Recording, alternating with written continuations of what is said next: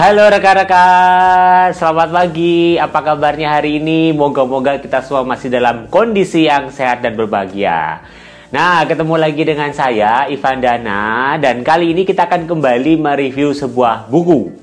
Buku yang akan saya review menarik sekali. Bukunya adalah ini dia.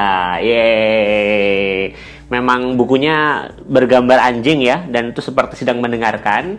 Dan ini memang menjadi visualisasi yang tepat dengan buku ini. Kenapa? Karena buku ini berjudul Listen Like a Dog atau bagaimana kita menjadi pendengar yang baik layaknya seekor anjing. Wih menarik sekali ya. Kalau dilihat dari judulnya mungkin rekan-rekan sudah mulai bisa membayangkan nih ini kira-kira buku akan seperti apa. Ya buku ini nanti memang akan membahas tentang komunikasi efektif. Lebih spesifik adalah kaitannya menjadi pendengar.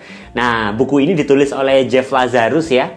Jeff Lazarus ini adalah seorang konsultan kesehatan dan dia juga merupakan dosen, pengajar dan juga trainer di bidang komunikasi, public speaking dan juga pengembangan diri lainnya.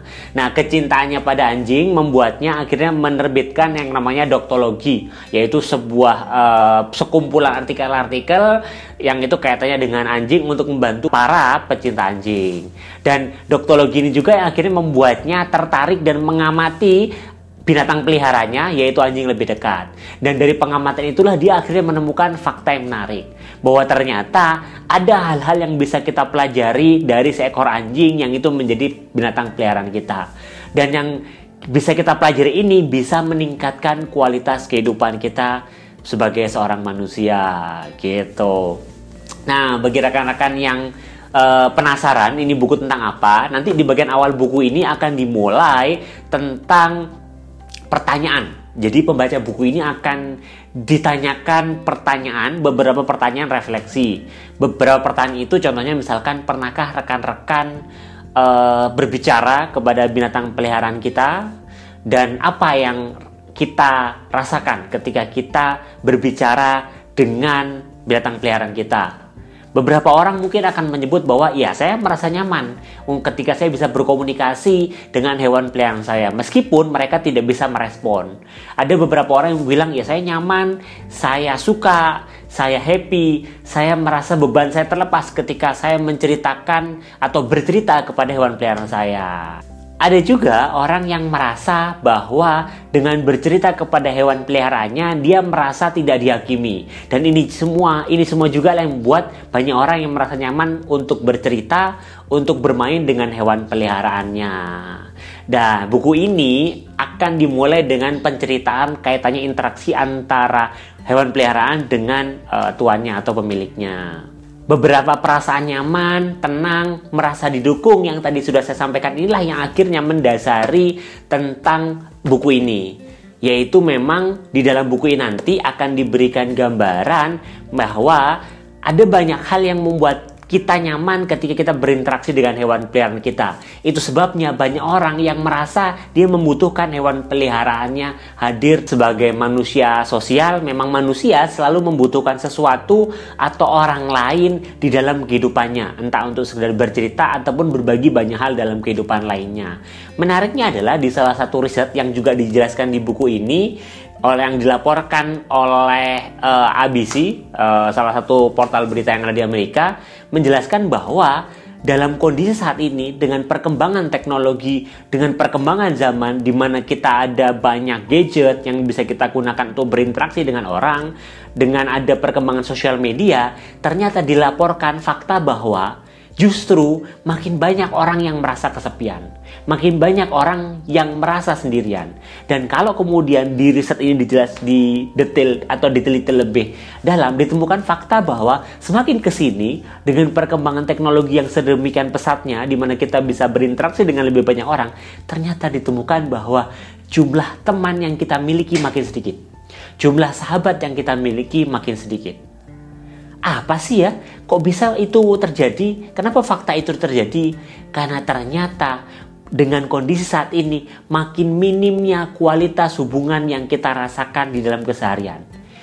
Kita mungkin merasa lebih banyak teman kita di sosial media, tapi ternyata riset membuktikan yang juga dijelaskan di buku ini, ternyata kualitas hubungan kita, kualitas pertemanan kita makin ke sini itu makin minim. Nah, beberapa fakta dan penelitian menarik tadi sungguh ironis bukan? di tengah menjamurnya platform media sosial yang saat ini banyak berjamur di mana-mana dan orang itu makin gampang berinteraksi dengan orang hanya dengan satu tombol saja, tapi ternyata makin ke sini jumlah teman sungguhan yang kita miliki itu makin minim. Bahkan salah satu contohnya kalau misalkan rekan-rekan pergi ke sebuah kafe. Pernahkah rekan-rekan pergi ke sebuah kafe untuk nongkrong dan coba amati lingkungan di sekitar kafe tadi? Ada beberapa orang-orang yang walaupun mereka berkumpul bersama sahabatnya, tapi mereka justru sibuk dengan aktivitas mereka masing-masing. Aktivitas apa itu? Aktivitas dengan gadgetnya masing-masing. Ternyata salah satu hal yang menyebabkan fakta bahwa minimnya, makin minimnya rekan yang kita miliki di dunia nyata saat ini, salah satunya adalah berkurangnya kemampuan mendengarkan. Saat ini kita lebih mudah untuk bercerita, kita lebih mudah untuk ngomong ketimbang kita mendengarkan orang. Padahal masih di buku ini dijelaskan bahwa ternyata salah satu hal yang meni dapat meningkatkan kualitas hubungan kita dengan orang lain adalah ketika kita bersedia untuk saling mendengarkan. Gitu rekan-rekan. Nah, menurut saya pribadi, buku ini memang tepat sekali dan harapannya bisa membantu rekan-rekan pembacanya yang pertama untuk memahami esensi komunikasi efektif. Yang di sini kalau dispesifikan adalah kaitannya dengan kemampuan mendengarkan. Yang kedua adalah memahami strategi-strategi yang bisa kita lakukan untuk berkomunikasi efektif dengan orang lain. Dan yang ketiga, buku ini juga bisa membantu rekan-rekan dalam hal meningkatkan kualitas hubungan dengan orang-orang di sekitar kita. Nah, bagi rekan-rekan yang makin penasaran, ini buku sebenarnya tentang apa sih? Buku ini nanti akan memberikan gambaran-gambaran perilaku dari anjing. Wah, wow, perilaku dari anjing. Ya, perilaku dari anjing yang ternyata bisa kita tiru. Apa aja sih perilaku tadi itu? Perilaku dari anjing yang bisa kita tiru dan kita terapkan dalam kehidupan kita kaitannya dengan komunikasi sehari-hari. Yang pertama adalah anjing tidak pernah menginterupsi apa yang kita sampaikan. Yang kedua adalah anjing tidak pernah menawarkan saran atau melengkapi cerita kita. Yang ketiga adalah anjing selalu menumpahkan perhatiannya kepada kita kalau kita bercerita kepadanya. Dan yang keempat adalah anjing selalu mendengarkan kita dengan segenap jiwa raga dan penuh fokus perhatian mereka. Gitu rekan-rekan. Dan kalau kita cerita apa yang dilakukan oleh anjing tadi, mirip bukan dengan apa yang kita butuhkan sebagai manusia?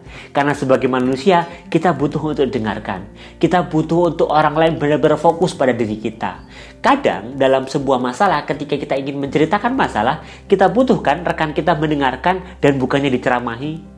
Nah, beberapa karakteristik yang menarik dari perilaku anjing inilah yang tadinya akan dibahas satu persatu di buku ini yang harapannya bisa meningkatkan kualitas komunikasi kita. Mungkin bagi rekan-rekan sampai di sini ada yang mulai merasa aneh. Aneh banget ya, kenapa sih kok kita disuruh belajar dari anjing?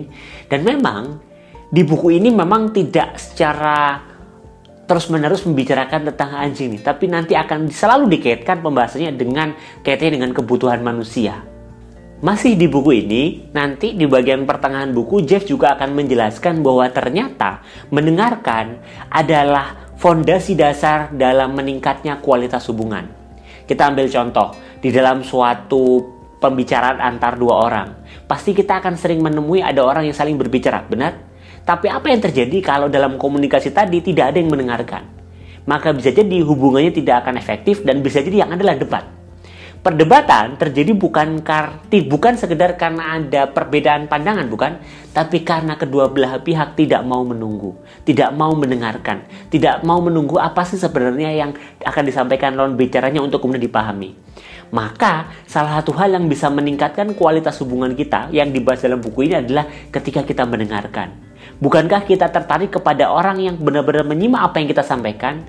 Dan bukankah kita akan merasa dekat dengan orang yang sepertinya memahami diri kita dan bersedia mendengarkan diri kita seutuhnya, maka ketika rekan-rekan ingin mulai meningkatkan kualitas hubungan, yuk mulai dengan mendengarkan orang-orang di sekitar kita.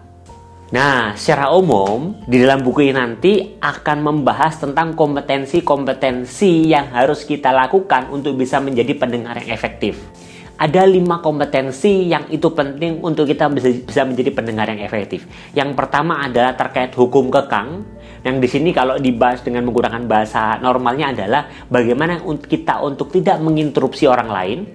Yang kedua adalah nanti akan disampaikan juga di buku ini adalah bagaimana kita membuat segala sesuatu komunikasi kita tetap nyata dengan mengurangi penggunaan teknologi. Yang ketiga juga akan masih dibahas kompetensi mendengarkan, kaitannya mendengarkan dengan seluruh perhatian yang kita miliki.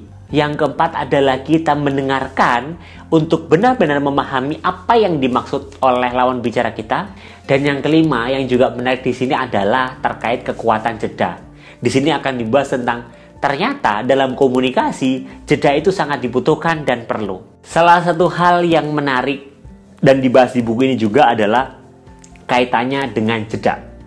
Nah, di buku ini ada satu contoh kisah yang menarik nih. Kisahnya adalah Pernahkah rekan-rekan berada dalam suatu percakapan dan dalam percakapan tersebut seakan-akan tidak ada uh, semua orang diam nih, tidak ada hal yang kayaknya perlu dibahas. Ketika kita tanya kepada lawan bicara kita, adakah yang ingin disampaikan atau menjadi masalah? Rekan kita menjawab tidak ada. Ketika kita bertanya lagi, apa masalahnya? Dia menjawab tidak ada. Dan terus-menerus seperti itu sampai akhirnya kita merasa gelisah kita merasa gelisah karena dalam percakapan seakan-akan keheningan yang dirasakan. Tidak ada percakapan yang berjalan.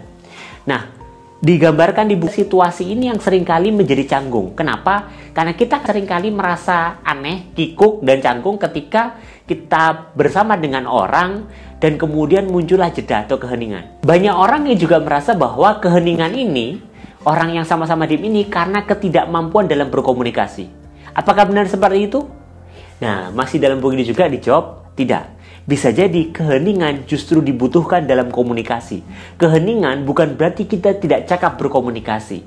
Salah satu contohnya kenapa keheningan ini menjadi, ini menjadi perlu adalah nanti akan dibahas tentang kehidupan para spiritualis saat ini para spiritualis itu makin menemukan dan makin meyakini tentang pentingnya jeda atau keheningan. Itu kenapa metode seperti kita bermeditasi, kemudian kita berdiam diri, makin saat ini itu makin banyak diterapkan di banyak bidang. Yang katanya itu bisa membantu yang pertama mengurangi beban, meningkatkan kesehatan, bisa membuat pikiran kita lebih jernih. Maka keheningan bisa jadi menjadi satu cara dalam komunikasi yang membuat kita bisa melepaskan beban kita dan merasa lebih nyaman dalam menghadapi kehidupan. Jadi ketika rekan-rekan dalam sebuah komunikasi dan merasakan keheningan, jangan gelisah, jangan takut. Karena bisa jadi itulah yang dibutuhkan oleh lawan bicara kita. Kita harus siap untuk keheningan, kita harus siap untuk memberikan jeda agar lawan bicara kita bisa merefleksikan dirinya dan siap menceritakan banyak hal kepada diri kita. Secara umum, buku ini pas untuk dibaca bagi rekan-rekan yang mungkin ras merasa kesulitan berkomunikasi dengan orang lain. Yang mungkin merasa komunikasi yang dijalankannya itu tidak efektif. Yang juga mungkin merasa tidak bisa melakukan pendekatan kepada orang lain. Karena dalam buku ini nanti akan dijelaskan pentingnya mendengarkan yang itu bisa membuat orang lain dekat dengan kita dan percaya atau trust kepada kita. Atau buku ini juga pas banget untuk dibaca bagi rekan-rekan pembicara, trainer, edukator untuk bisa memahami audiensnya lebih dekat. Dengan apa? Dengan mendengarkan di tengah-tengah sesi komunikasi yang kita sampaikan atau di tengah sesi training yang kita bawakan. Gitu rekan-rekan. Moga-moga setelah rekan-rekan baca buku ini nanti, rekan-rekan bisa mendapatkan insight tentang komunikasi efektif untuk meningkatkan hubungan rekan-rekan masing-masing. Mungkin itu yang bisa saya bahas di review buku kali ini. Sampai ketemu di review buku saya selanjutnya. Dadah!